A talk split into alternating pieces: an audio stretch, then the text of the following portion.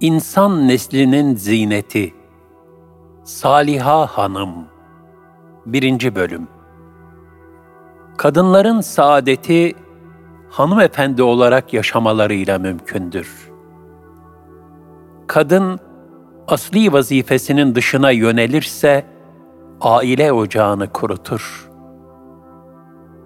Kadının dış hayata katılması ancak zaruri sebeplerle ve yaratılışına uygun işler için mümkün olabilir. Bu zaruri sebepler de cemiyetin ihtiyaçları ölçüsünde belirlenmeli, makul ve meşru sınırlar aşılmamalıdır. Kadın kendi başına ne bir gül goncasıdır ne de bir diken. Ruhani bir hayat içinde yetiştirilirse bir gül olur. Toplumun ve sokakların insafına bırakılırsa zehirli bir diken haline gelir.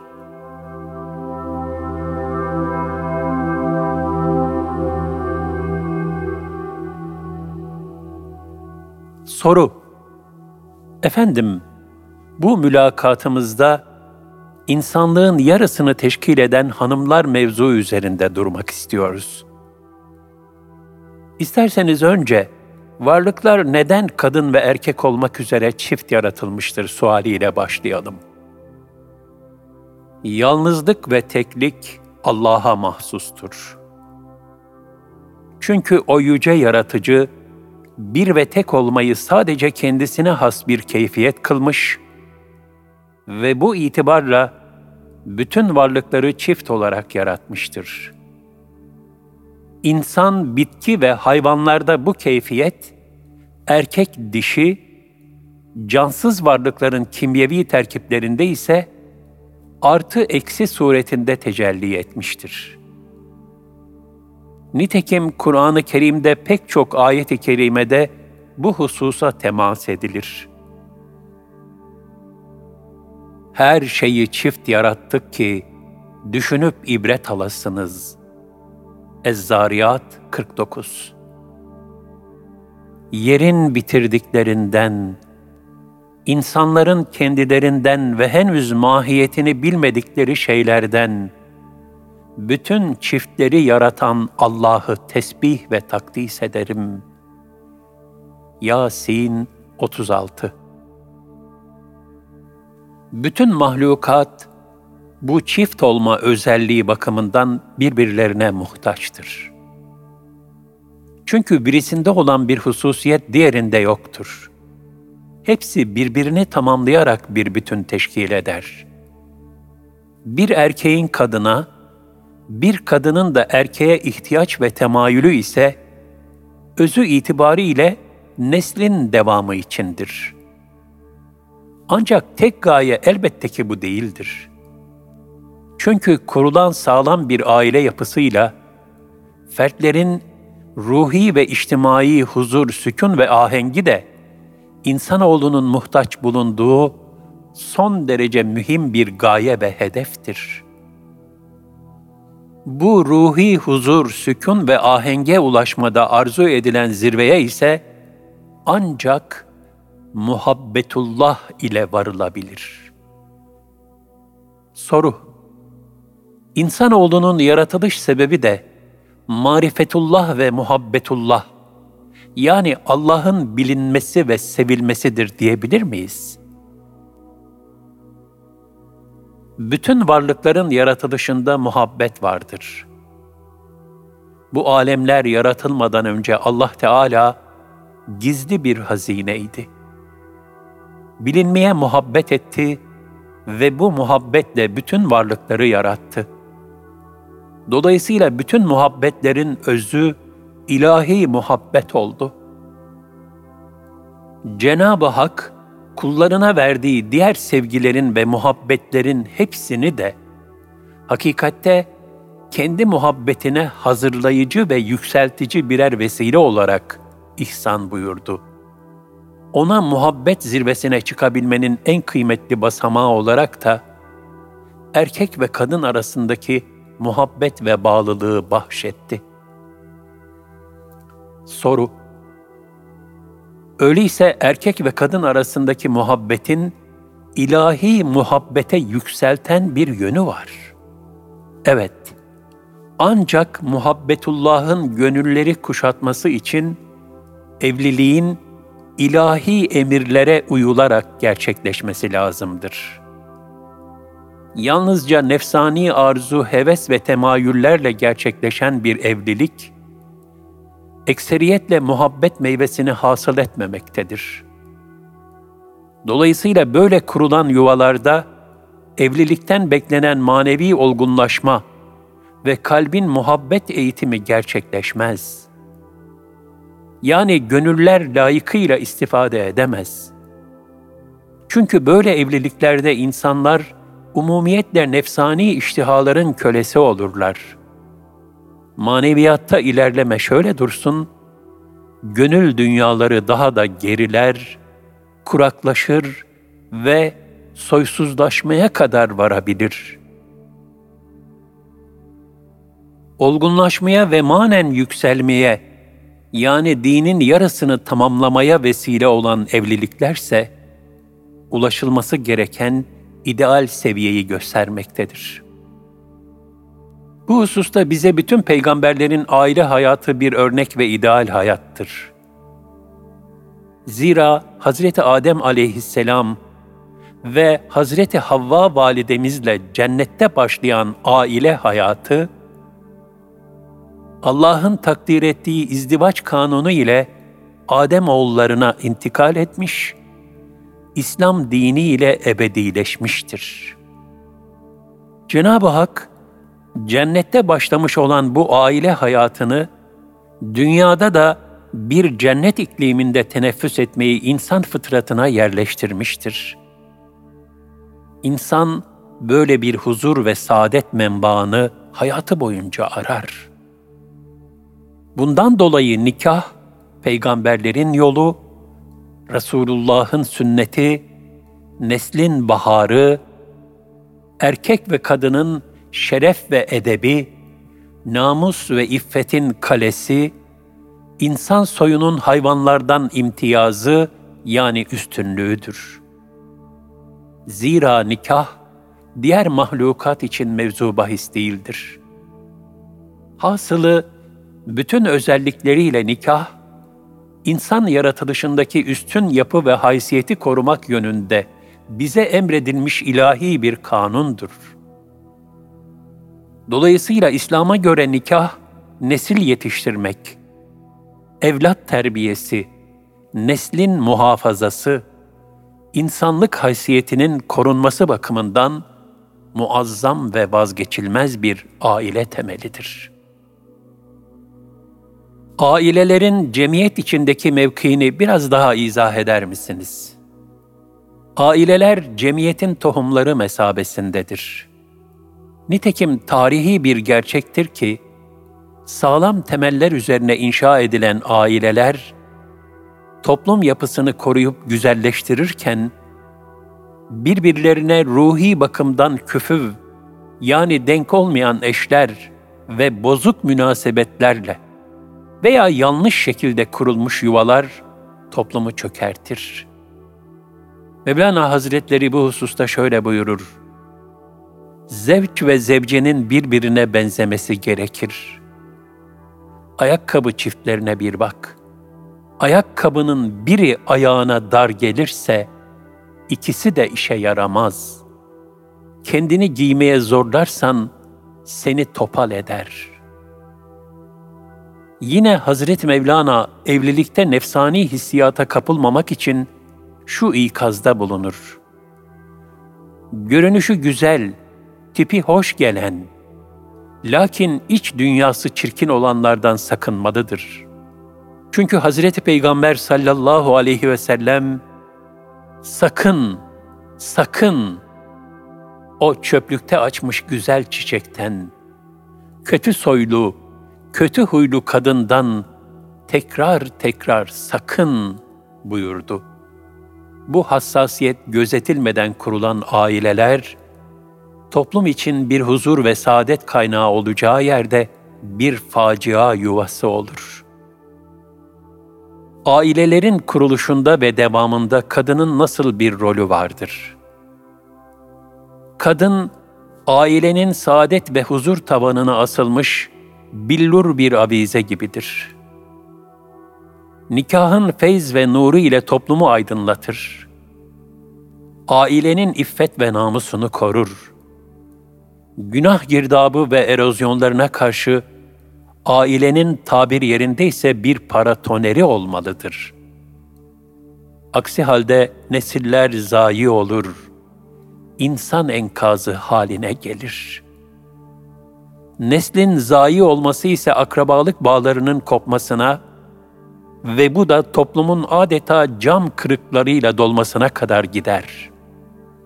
Bu takdirde fitne akrepleşir, zarif ve ince duygular biter.'' rezalet ve huzursuzluklar tuğyan eder. Bunlar da bir toplum için batış alametleri ve felaket alarmlarıdır.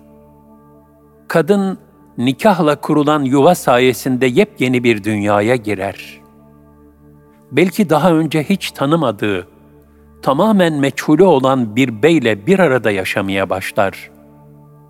Ancak Allah'ın evliliğe lütfettiği ayrı bir hususiyet vardır ki, nikah sayesinde bir araya gelen çift, daha önce iki yabancı insanken, bir anda dünyanın birbirine en yakın iki insanı verir. Kurdukları yuva da çoğu kere ayrıldıkları baba ocağından daha sıcak gelmeye başlar. Nitekim Rabbimiz Celle Celaluhu onun varlığının ve birliğinin delillerinden biri de, kendilerine meyledip ülfet edesiniz diye, kendi cinsinizden eşler yaratması ve aranızda bir muhabbet ve şefkat kılmasıdır. Şüphesiz ki bunda tefekkür eden bir topluluk için nice deliller vardır. Buyurmaktadır. Er-Rum 21 Kur'an ve sünnetin ruhaniyeti içinde yaşayan huzurlu bir aile yuvası, dünya saadetinin temeli ve Rabbimizin en büyük ihsanlarından birisidir. Bu nimet ve saadetin devamı ise iki tarafında ruhaniyet iklimi içerisinde karşılıklı fedakarlık ve anlayışına bağlıdır. Soru Efendim, Günümüzde kadınların erkeklerle her sahada rekabete girişmeleri teşvik ediliyor. Bu da cemiyetimizde çeşitli problemlere yol açıyor. Bu hususta neler söylemek istersiniz? Çağımızda kadınlarla erkekler arasında uydurma bir eşitlik yarışı başlatılmıştır. Yaratılıştaki hususiyetlere zıt olan bu yarış sebebiyle hanımlık ve annelik vazifeleri zedelenmiş, ailenin huzur ve sükûnu kaybolmuş, toplum hayatı sarsılmış, fertler şahsiyetini yitirmiştir.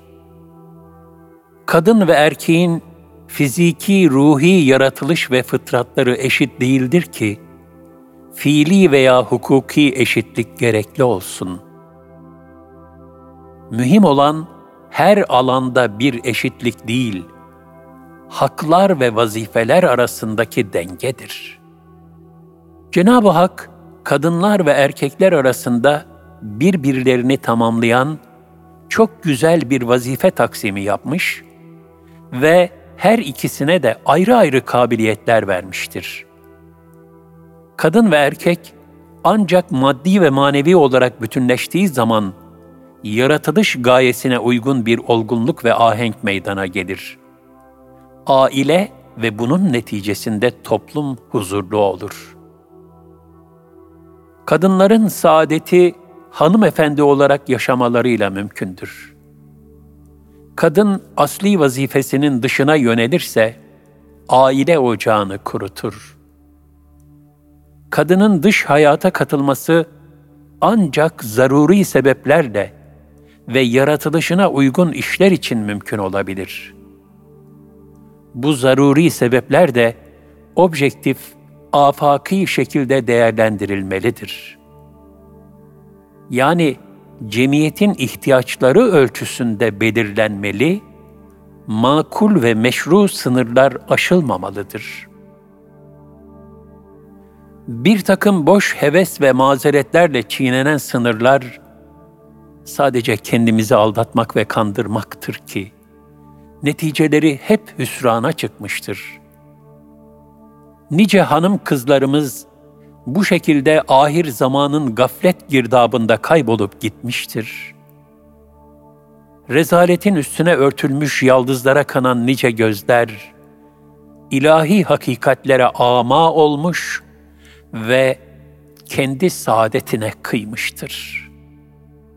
Hanımları evlatlarının ahlaki yapılarıyla meşgul olmaktan uzaklaştırmak ve yaratılışlarına zıt işlere yönlendirmek ne imana ne de mantık ve izana sığar.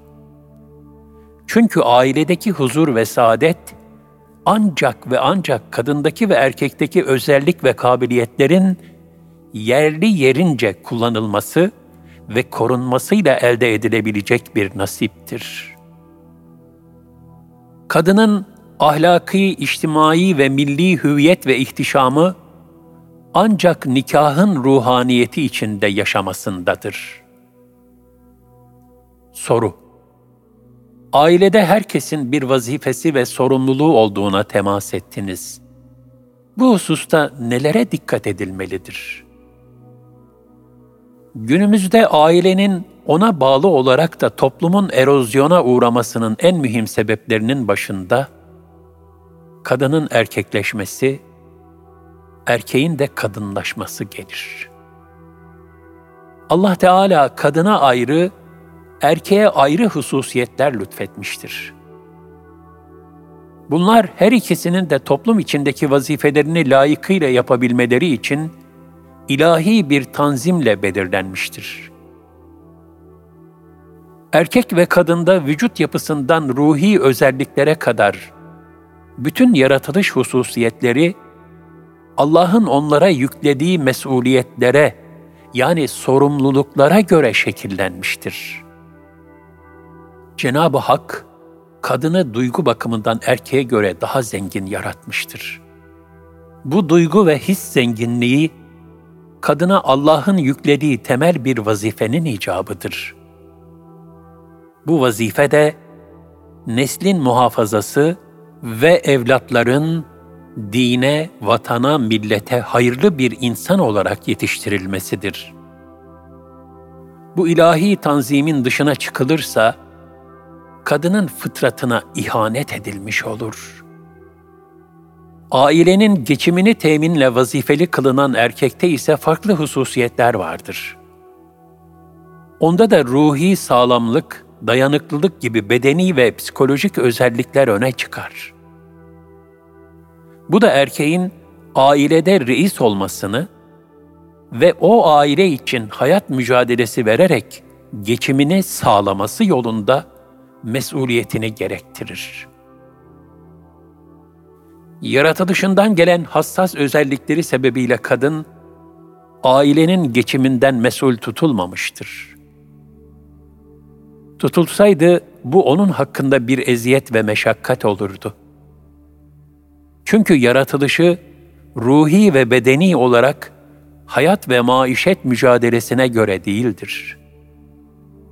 Ona öncelikle aile beraberliğinden hasıl olacak çocukların doğumu ve doğumdan itibaren acizlik devrelerinde bakılıp korunmaları gibi hissiliği gerektiren mukaddes bir vazife yüklenmiştir.''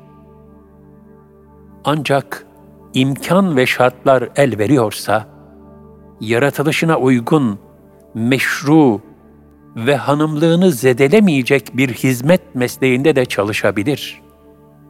Kız Kur'an kursu hoca hanımlığı ve emsalleri gibi.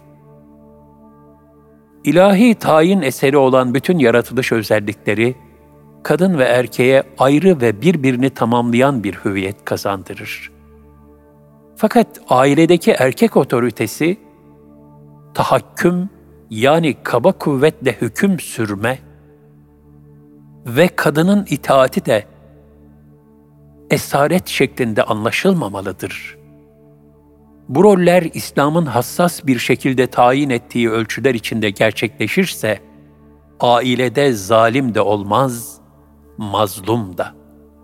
Kadının iffet ve itaat dairesinden çıkarak kocasına zulmetmesi, buna mukabil kocanın da otoritesini nefsani arzuları uğruna kullanması, aile yuvasını tahrip eder. Ancak dış dünyada hayat mücadelesine memur olan erkek, zaman zaman bir takım gerginliklere maruz kalabilir.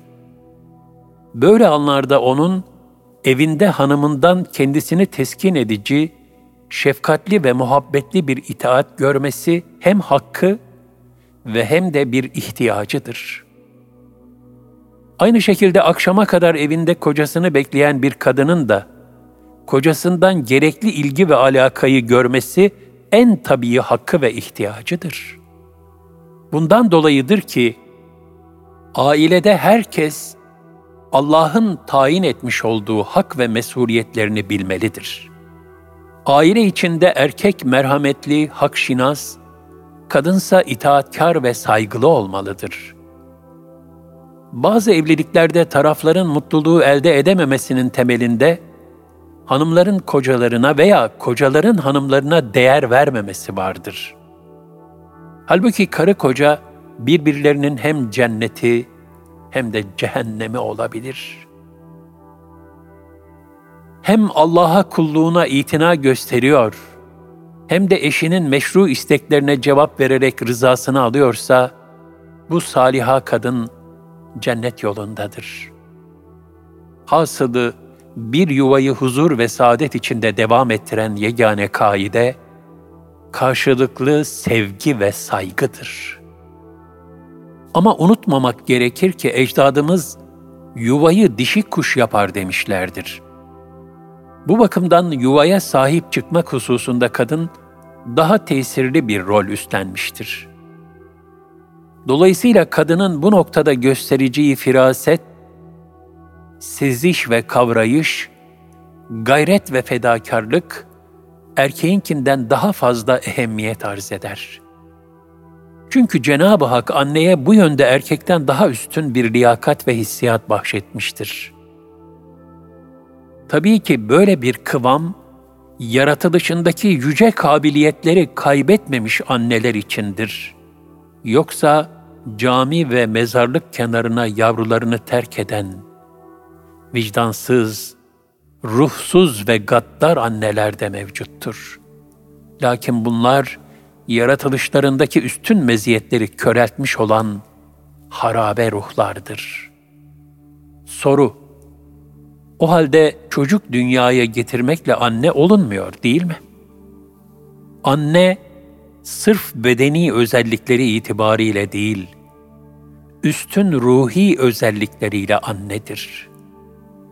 Eğer bir kadın bunlara, dolayısıyla kadınlığına, anneliğine veda ederse, artık o bir şefkat abidesi değil, duygusuz bir avcı kesidir.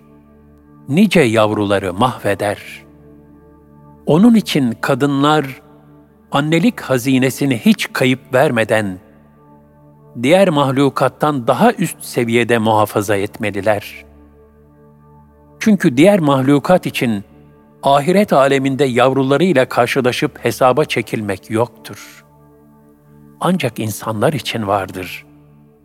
Yani evlatları mahşer gününde ya hayır olarak ya da şer olarak insanların karşısına çıkacaktır. Bu bakımdan yavrulara gösterilecek en şefkatli ve üstün annelik, onları cehennem ateşinden koruyacak şekilde yetiştirmek ve cennete vesile olacak bir fazilet kıvamı kazandırmaktır. Bunun için dini eğitim, güzel edep, yani ahlaki terbiye ve kulluk şuuru verilmesi gerekenlerin en başında gelir. Bir atasözünde el ummu medresetün anne mekteptir, okuldur denilmektedir. Kadın evde çocuklarıyla daha çok birlikte olduğu için çocuklara güzel örnekler sergileyerek onların ruhunda kalıcı izler bırakmak suretiyle ilk ve en büyük terbiyeci olacaktır. İslam anneyi sırf biyolojik bir yapı olarak görmez. Annenin manevi yapısında terbiye etme özelliği vardır. Yani haya ve edep sahibi bir nesil yetiştirme. Nesli yetiştirme mesuliyeti ihmal edilirse akıbet hazin olur. Evlat aileye yabancılaşır. Manen yabancı yerlerin evladı ve nesli olur. Onun biyolojik mensubiyeti bile kaybolur. Annelerin feryat ve çığlıkları o zaman fayda vermez. Bunun içindir ki kusursuz bir evladımızın olmasını arzu ediyorsak, kusursuz bir anne baba olmaya mecburuz. Annenin ağzından çıkan her kelime, çocuğun şahsiyet binasına konulan bir tuğla gibidir. Anne yüreği, çocuğun eğitim gördüğü bir sınıftır. Şefkatin en büyük menbaı annelerdir.'' anne terbiyesinden mahrum çocukların terbiyesi güçleşir. Yüksek karakterli kişiler daha ziyade saliha annelerin yetiştirdiği çocuklardır. Ev işleri, evlat terbiyesi, beyefendisine hizmet gibi kıymetli vazifeleri vefakar omuzlarına alan saliha bir anne, cidden engin bir sevgiye, derin bir saygıya ve ömürlük bir teşekküre layıktır. İyi bilmek gerekir ki milletler erkekleriyle yükselir fakat kadın da bu yükselişi tamamlar. Erkeksiz ilerleme olamayacağı gibi kadınsız da ilerleme ve yükseliş olmaz. Olsa da noksan kalır. Bu irtibat dolayısıyladır ki ailede huzursuz olan bir erkek, çoğu kere işinde de başarılı olamaz. Onun için diyebiliriz ki, memleket, kadının olgunluğu ve yetişmişliği sayesinde yükselir. Tabii bunun tersi de aynen geçerlidir. Yani memleket ve millet, kadının alçalması neticesinde değerini ve gücünü yitirir. Tarih sayfaları bu gerçeğin sayısız örnekleriyle doludur. İşte bunun için sıhhatli aile yapılarına ihtiyaç kaçınılmazdır.''